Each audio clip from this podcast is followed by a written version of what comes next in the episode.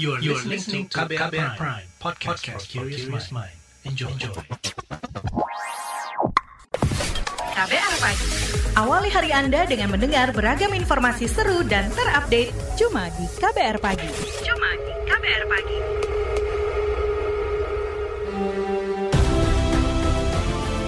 Dirgahayu Indonesia ke-77, Merdeka. Ketemu lagi dengan saya Don Brady di What's Trending KBR Pagi di hari Rabu 17 Agustus 2022. Wow, backsoundnya udah 17-an banget ya sih?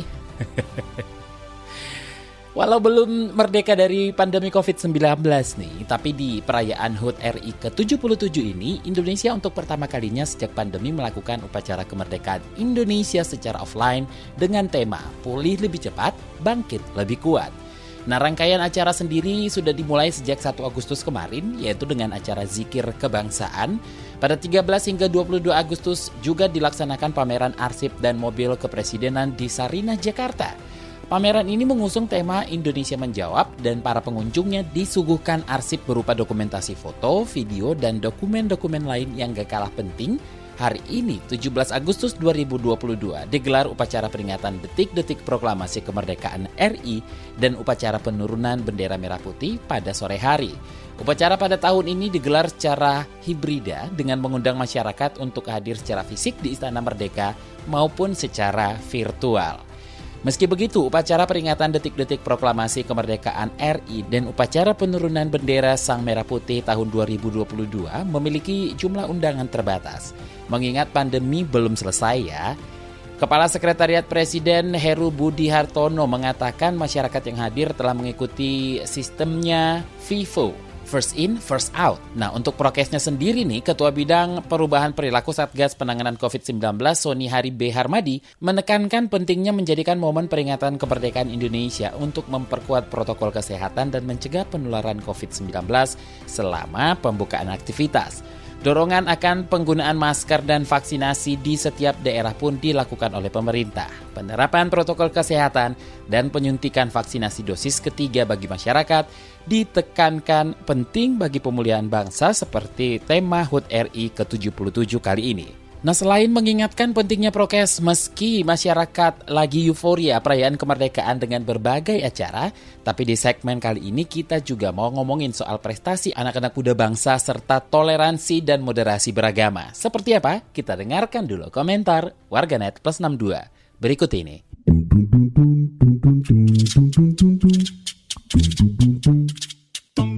Kita ke komentar at P Klasis XX. Selamat hari ulang tahun Republik Indonesia ke-77, pulih lebih cepat, bangkit lebih kuat. Lalu at Moon XX, selamat ulang tahun Indonesiaku. Komentar at Shopping XX, serba-serbi dan berbagai lomba dalam merayakan HUT RI. Komentar at Luffy XX, 2 tahun upacara 17-an online terus dan finally akhirnya offline lagi. Seneng banget deh ngeliatnya. Komentar at Grinta XX, oh wow semangat akhirnya bisa upacara offline. At Aku Suka XX, info lomba 17-an yang lombanya bisa tidur seharian. Wah ini sih gue pasti jadi juaranya nih. At Rinaya XX, pakai game online biar tambah seru nih. Komentar at Mutiara XX, Menparekraf apresiasi keberhasilan 15 peserta Indonesia raih penghargaan di ajang W Copa 2022. Lalu at B3 Dul XX, penyanyi cilik Arsy Hermansyah sukses mengharumkan Indonesia di ajang bakat internasional World Championship of Performing Arts 2022 di Amerika. Congratulations ya, selamat untuk orang tua dan keluarga besar. Indonesia turut bangga. Dan terakhir komentar at EKXX ketika anak muda sekarang sangat cinta negaranya berlatih jadi paskibra digembleng untuk merasakan gimana para pejuang dulu merebut kemerdekaan. Perjuangan kalian hari ini bukan lagi merebut kemerdekaan tapi mempertahankan keutuhan NKRI.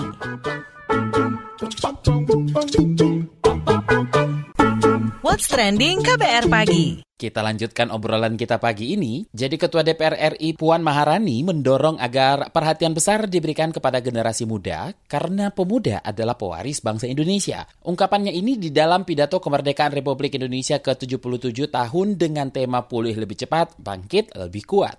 Saat ini generasi muda Indonesia telah banyak menunjukkan prestasi yang membanggakan, baik di bidang ilmu pengetahuan, teknologi, digital, seni budaya, olahraga, startup, dan lain sebagainya.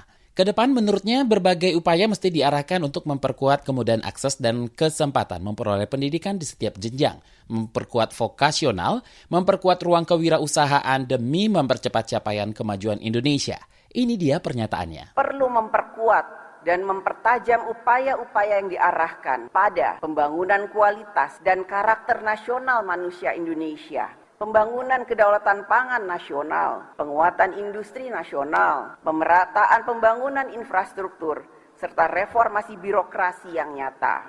Kita perlu memberikan perhatian yang besar pada generasi muda Indonesia ke depan merekalah yang akan mewarisi Indonesia. Nah, jelang peringatan Hari Kemerdekaan Indonesia, anak-anak muda kita pun kasih hadiah nih buat negara tercinta. Seperti sekelompok anak yang mampu unjuk gigi di Olimpiade Seni Bertaraf Internasional, yaitu World Championship of Performing Arts. Menteri Pariwisata dan Ekonomi Kreatif Sandiaga Uno mengapresiasi 15 peserta Indonesia yang meraih penghargaan di ajang Olimpiade Seni tingkat dunia atau World Championship of Performing Arts dengan perolehan 15 emas, 20 perak, 7 perunggu. Jadi 13 overall winner dan 11 medali semifinal. Sandi mengaku super bangga dengan pencapaian anak-anak muda di Indonesia. Seperti apa? Kita simak saja penuturannya saat Weekly Press Briefing 15 Agustus kemarin. Saya super bangga ya karena tim Indonesia di Copa ini menunjukkan prestasi yang luar biasa. Ya jadi kalau memang pasti yang dikenal Bali karena Anaheim ini kan di Anaheim ya. ya. Anaheim itu boleh dibilang ibu kota pariwisata dunia juga ya selain Bali karena di situlah Disneyland dan tiap tahun tuh puluhan juta yang datang ke sana. Nah, ini 15 kontestan menang 15 emas, 20 perak, 7 perunggu, 13 overall winner dan 11 medali semifinal ya. nih. Dan Arsi ini menang di kategori vokal, menyumbang medali dan penghargaan terbanyak. Good job Arsi. Dan ini menunjukkan bahwa industri kreatif kita semakin berkembang dan sudah harus dan sepatutnya kita berikan dukungan. Saya ngelihat juga ada kemungkinan kita kan mempromosikan Indonesia yes. juga dan kalau misalnya tari ya maupun musik tari daerah Betul. juga dan destinasi. Saya ucapkan terima kasih kalau sudah tidak ada lagi pertanyaan dari rekan-rekan media. Sekali lagi atas nama pemerintah, Kementerian Pariwisata dan Ekonomi Kreatif khususnya saya ucapkan selamat dan terima kasih beribu terima kasih kepada 15 peserta yang sudah mengharumkan nama Indonesia di kancah dunia W Copa 2022 dan kita tunggu kiprahnya untuk terus mendukung kebangkitan Indonesia, kebangkitan ekonomi kreatif kita. Dan tentunya untuk para pendamping orang tua ini adalah langkah awal baru langkah awal. Akan banyak sekali nanti kolaborasi dan langkah bersama kita untuk lebih meningkatkan terutama sektor ekonomi kreatif dan performing arts Indonesia di kancah dunia. Arsy Hermansyah menjadi peserta dari Indonesia dengan medali terbanyak dalam ajang WCOPA. Ayah dari Arsi, Hermansyah, sekaligus musisi dan mantan anggota parlemen, Anang Hermansyah, mengatakan ada banyak bakat yang bisa dieksplorasi. Namun menurutnya pemerintah masih kurang memperhatikan dan mendukung anak-anak yang turut mengharumkan nama bangsa di kancah internasional. Kata Anang, ada banyak kompetisi yang menanti anak-anak muda Indonesia ke depannya dan butuh perhatian lebih dari pemerintah. Ini dia penjelasannya. Yang pastinya hari ini kita bangga semua, tim yang berangkat akhirnya bisa diterima oleh pemerintah yang pastinya ini apresiasi yang diharapkan dan memang harapnya adalah harapannya bahwa ini sudah dibuktikan lagi bahwa talenta Indonesia itu sudah tarafnya internasional dan tidak tidak kalah dengan negara lain. Yang harapannya adalah memang dibutuhkan lagi sporting yang lebih jauh karena tahun depan kita akan berangkatkan kalau bisa lebih banyak lagi karena negara seperti Filipina itu berangkat sampai ratusan orang iya. dan Indonesia nggak kalah karena ini performing art jadi banyak hal yang bisa diikutin kayak tari kayak apa aja yang berhubungan dengan performing art itu bisa dan ini sudah dibuktikan yang tim berangkat hari ini bahwa kita memang sudah setaraf dengan kemampuan dunia. Jadi harapannya tahun depan kita bisa berangkat tim lebih besar lagi untuk mewakili Indonesia dan membawa nama besar Indonesia di internasional. Mungkin harapannya memang benar-benar mudah-mudahan Mas Menteri uh, bersama DPR nanti dibicarakan lagi mengenai politik anggarannya tahun depan supaya supaya bisa disupport full bahwa banyak nomenklaturnya nanti di WCOPA kita bisa ikut semua dan bisa menunjukkan ke kekuatan kedigdayaan bahwa Indonesia adalah negara superpower budaya di dunia. Memang ini untuk bicara membanggakan nama Indonesia dan membesarkan nama Indonesia harusnya memang di Komisi 10 lintas kementerian harus saling bekerja sama karena memang sering memberangkatkan talenta Indonesia ataupun bukan hanya nyanyi tapi banyak hal tentang 17 subsektor ekonomi kreatif di pariwisata aircraft itu adalah butuh tenaga besar untuk bisa mempromosikan Indonesia ke kancah internasional. Yang penting hari ini bahwa semua sudah mulai on track bahwa keinginan kita bersama menemukan sebuah pertemuan yang menarik hari ini pun kita di, diterima di sini adalah satu sambutan yang menarik bahwa ke depan udah pastinya kita lebih mempersiapkan dan harapannya bahwa lintas kementerian itu dibutuhkan karena memang di Komisi 10 yang terbesar adalah duit dari pendidikan ke pariwisata aircraft itu ada dua kementerian. Tapi ya kasihan kalau memang hanya beliau sendirian pastinya dengan politik anggaran dia nggak cukup. Di sini dibutuhkan dari pendidikan untuk bisa mensupport hal-hal seperti ini yaitu melalui kebudayaannya. Jadi harapannya memang masukan ini adalah masukan yang sangat positif dan harapannya memang mungkin Mas Menteri ya bisa ber, berkoordinasi lagi dengan uh, teman-teman di parlemen. For your information, prestasi anak bangsa nggak cuma datang dari bidang seni aja loh ya.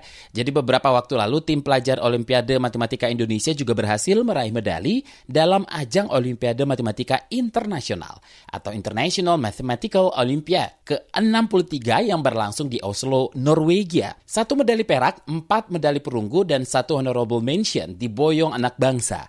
Nah kalau dari sektor olahraga, Indonesia menjadi juara umum ajang Asian Para Games 2022 dengan perolehan 175 emas, 144 medali perak, dan 106 medali perunggu dengan total raihan medali 425.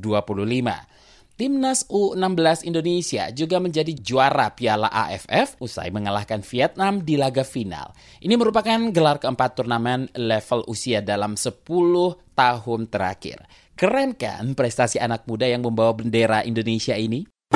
What's trending KBR pagi? Newsbeat.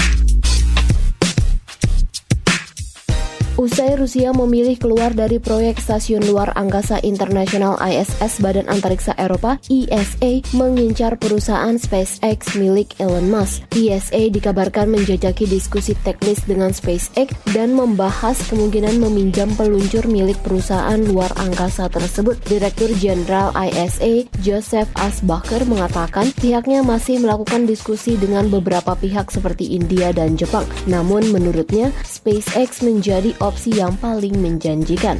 Organisasi Kesehatan Dunia WHO resmi mengganti nama infeksi cacar monyet menjadi KLID. Penggantian nama ini dilakukan untuk mencegah stigmatisasi yang melekat saat penyebaran cacar monyet terjadi di beberapa negara di dunia. Nama KLID sendiri dipilih bersama para ahli kesehatan dan disesuaikan dengan nama daerah asal ditemukannya cacar monyet. Dalam pernyataan resminya, WHO mengatakan penyakit dari Afrika Tengah dinamakan KLID 1 dan penyakit yang berasal dari Afrika Barat ini dinamakan Clade 2. Clade 2 sendiri memiliki dua subvarian yaitu Clade 2A dan Clade 2B.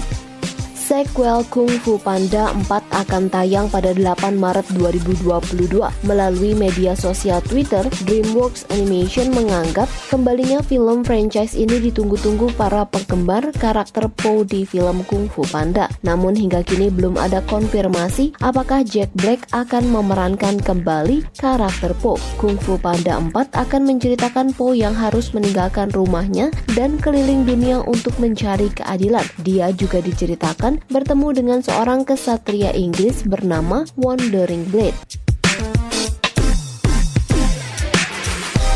HUT RI ke-77, Nasionalisme dan Prestasi Anak Bangsa. Itu yang kita obrolin pagi ini. Jadi setelah kita membahas prestasi-prestasi anak-anak muda Indonesia di momen peringatan Hari Kemerdekaan Indonesia ini, kita juga akan bahas soal nilai-nilai kesatuan bangsa, nasionalisme, dan toleransi. Penjagaan radikalisme di Indonesia dinilai akan jauh lebih efektif menggunakan pendekatan kebudayaan ketimbang militeristik. Kepala Makara Art Center Universitas Indonesia Ngatawi Al Jastro mengatakan radikalisme bisa ditangkal dengan memanfaatkan kearifan lokal setiap daerah. Ngatawi Al Jastrow yang merupakan ex juru bicara Gus Dur menambahkan pendekatan kebudayaan bukan menjadi solusi tunggal atas maraknya radikalisme dan terorisme. Namun kebudayaan bisa dimaksimalkan untuk menyadarkan orang atas paham radikal. Sehingga kata dia, nilai-nilai budaya akan lebih mudah ditumbuhkan ke dalam hati jiwa seseorang untuk mencegah radikalisme lebih jauh lagi. Ini dia pernyataannya perlu dirumuskan yang disebut dengan gerakan melawan radikalisme dengan pendekatan kebudayaan atau menjadikan kebudayaan sebagai instrumen melawan radikalisme. Karena apa? Tadi disebutkan kalau radikalisme ini ditangani dengan operasi militer, tindakan kekerasan, itu malah senang dia medan jihad ini. Itu loh, kesempatan masuk surga secara cepat. Gitu kan? Nah, dan kesempatan untuk legitimasi kekuasaan ini tunggu. Nah sebelumnya Kepala Badan Nasional Penanggulangan Terorisme Boy Rafli Amar mengatakan penyebaran ideologi terorisme dan radikalisme berkembang sangat cepat. Dia bahkan mengibaratkannya seperti virus COVID-19. Untuk menumpasnya, kata dia, harus bersama-sama menemukan vaksin. Semua lembaga nasional maupun internasional diharapkan dapat saling bekerja sama memutus penyebaran terorisme, dan radikalisme. Nah, pada kesempatan kali ini kita juga mau ngobrol bareng Direktur Riset Setara Institute, Halili Hasan. Bang Halili di HUT RI ke-77 nih, bagaimana Anda melihat eh, nilai-nilai uh, persatuan dan nasionalisme anak muda bangsa makin kuat atau makin terkikis? Kita lihat secara objektif ya, situasi anak muda ini kan memang ada dua sisi ya.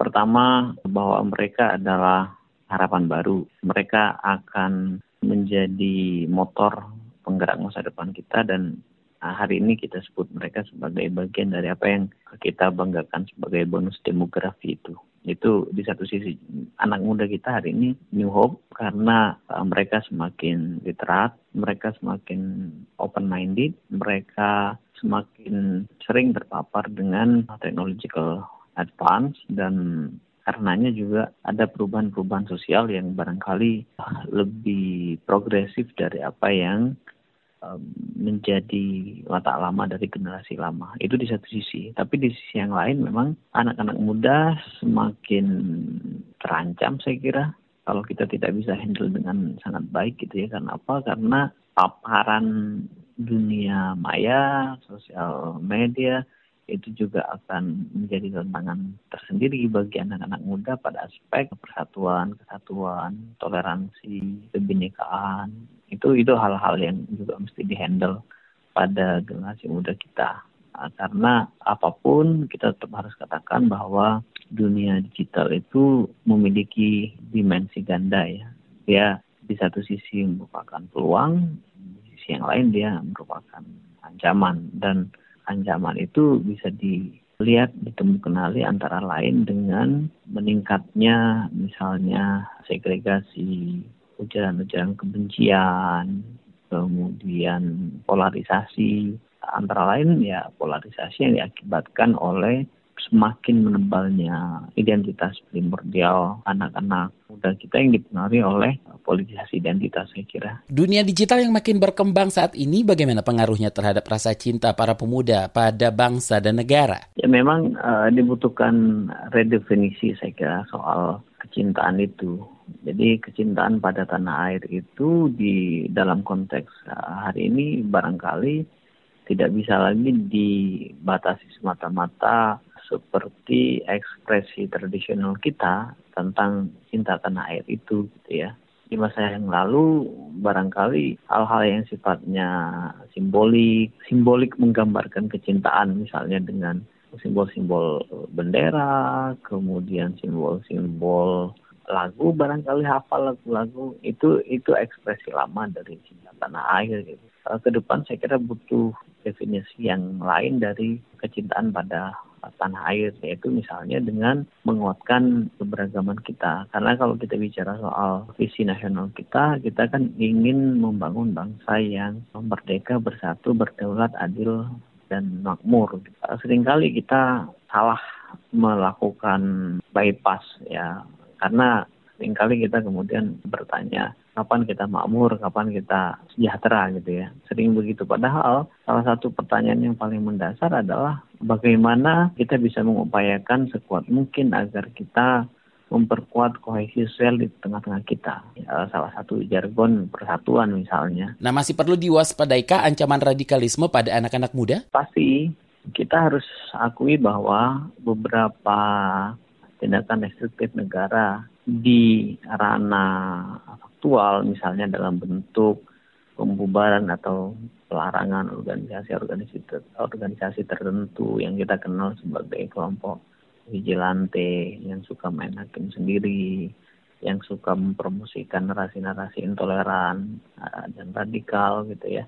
Itu memang mempengaruhi kemudian transformasi mereka dari gerakan di dunia nyata ke gerakan di dunia digital. Ini harus diwaspadai kalau ruang-ruang di dunia nyata itu semakin tertutup, itu eh, berarti juga ada potensi untuk intensitas resources mereka di dunia digital. Oleh karena itu harus ada agenda bersama, eh, strategi kolektif di kalangan komunitas maupun negara untuk mengantisipasi ini semua.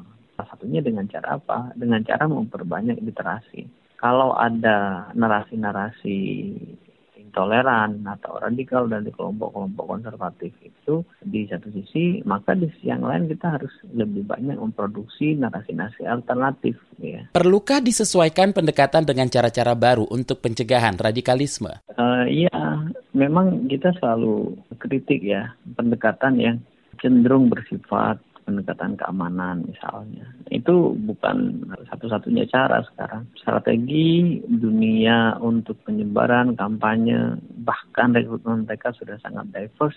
Dunia digital sudah memberikan ruang untuk misalnya online rekrutmen bagi kelompok-kelompok radikal dan kelompok-kelompok konservatif lain. Gitu. Mereka sudah memainkan peran-peran strategis di wilayah-wilayah itu maka pendekatan keamanan, pendekatan penegakan hukum yang sifatnya koersif itu barangkali bukan satu-satunya strategi yang efektif lagi hari ini untuk memastikan anak-anak muda kita tidak terpapar oleh daya rusak dari narasi-narasi intoleran atau bahkan aktivitas-aktivitas kelompok-kelompok radikal konservatif di Indonesia. Beberapa strategi yang penting untuk dilakukan, strategi baru saya kira ya menyesuaikan dengan apa yang berkembang dan menjadi perjumpaan-perjumpaan multikultural secara secara digital itu penting atau mempertemukan anak-anak kita dengan komunitas lintas identitas hari ini menjadi sangat penting bukan hanya digital kalau pertemuan digital itu masif dilakukan, saya kira itu catatan baik. Tapi pertemuan-pertemuan faktual real itu juga penting untuk dilakukan. Terima kasih Direktur Riset Setara Institut Halili Hasan. What's trending KBR pagi?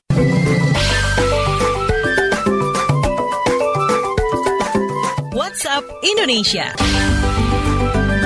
WhatsApp Indonesia dimulai dari Istana Negara Jakarta. Tari tradisional dari Provinsi Lampung, yakni Tari Melinting, menjadi tarian yang tampil di Istana Negara pada hari ulang tahun HUT ke-77 Republik Indonesia. Menurut Asisten Satu Bidang Pemerintahan dan Kestra Pemprov Lampung, Kodratul Ikhwan yang dilansir antara news, tari melinting akan diberikan ruang untuk tampil di Istana Negara menjelang upacara pagi dan penurunan bendera di sore hari. Tari ini merupakan tarian khas Kerajaan Melinting yang ada di Lampung Timur. Biasa dibawakan oleh empat penari pria dan empat penari wanita yang menggunakan pakaian adat. Beberapa puluh tahun lalu, memang tarian ini pernah tampil di Istana Negara juga. Ia menjelaskan para penari tari melinting yang akan tampil menyambut para tamu pada HUT ke-77 RI di Istana Negara itu merupakan putra asli daerah yang berasal dari Desa Nibung, Lampung Timur. Sebab di sana tarian ini masih terjaga kelestariannya. Dengan terpilihnya tari melinting, menurutnya mengangkat citra daerah menjadi daerah yang kaya akan budaya tradisional sejak masa kerajaan. Selanjutnya menuju Bali. Acara puncak Sanur Village Festival dimulai hari ini hingga 21 Agustus mendatang. Lokasinya di Pantai Matahari Terbit dan Pasar dengan menggandeng sekitar 25 hingga 30 gerai atau stand food heritage yang menyajikan makanan lokal khas Sanur. Ketua Umum Sanur Village Festival Ida Bagus Gede menyebut dibukanya kesempatan bagi masyarakat Sanur menjajakan produknya di festival ini untuk membantu perekonomian sekaligus mengenalkan menu khas Sanur. Beberapa menu makanan yang dihadirkan di antaranya ikan laut, toro-toro, bulung atau rumput laut, tipak cantok, dan lain sebagainya. Acara juga akan dimeriahkan oleh seniman musik serta ragam talk show lokal Bali dan nasional. Terakhir mampir Papua, Wali Kota Sorong Lambert Jitmau telah meresmikan stadion sepak bola mini yang diklaimnya berstandar internasional. Menurut Lambert, keberadaan stadion sepak bola senilai 67 miliar rupiah itu diharapkan bisa lebih banyak lagi melahirkan pesepak bola ternama, mengganti nama-nama besar yang lahir di Sorong, seperti Boas Salosa. Lambert Jitmau mengatakan bahwa pembangunan stadion sepak bola tersebut memakan waktu selama 11 bulan dengan biaya APBD murni Kota Sorong. Pembangunan stadion sepak bola tersebut juga diawasi oleh pihak Kejaksaan Negeri Sorong, Pengadilan Negeri Sorong, dan Kepolisian Resor Sorong Kota agar berjalan sesuai dengan prosedur. Stadion sepak bola ini kata dia menampung sebanyak 8.000 orang penonton di mana pengelolaan stadion ini akan diserahkan kepada pihak ketiga. Demikian WhatsApp Indonesia hari ini. Demikian KBR pagi hari ini. Jika Anda tertinggal siaran ini, Anda kembali bisa menyimaknya di podcast What's Trending yang ada di Spotify, kbrprime.id, dan di aplikasi mendengarkan podcast lainnya. Don't ready, undur diri. Besok kita ketemu lagi. Stay safe. Bye-bye. Terima kasih sudah mendengarkan KBR Pagi, siaran pagi radio paling update. KBR Prime, cara asik mendengar berita. KBR Prime, podcast for curious mind.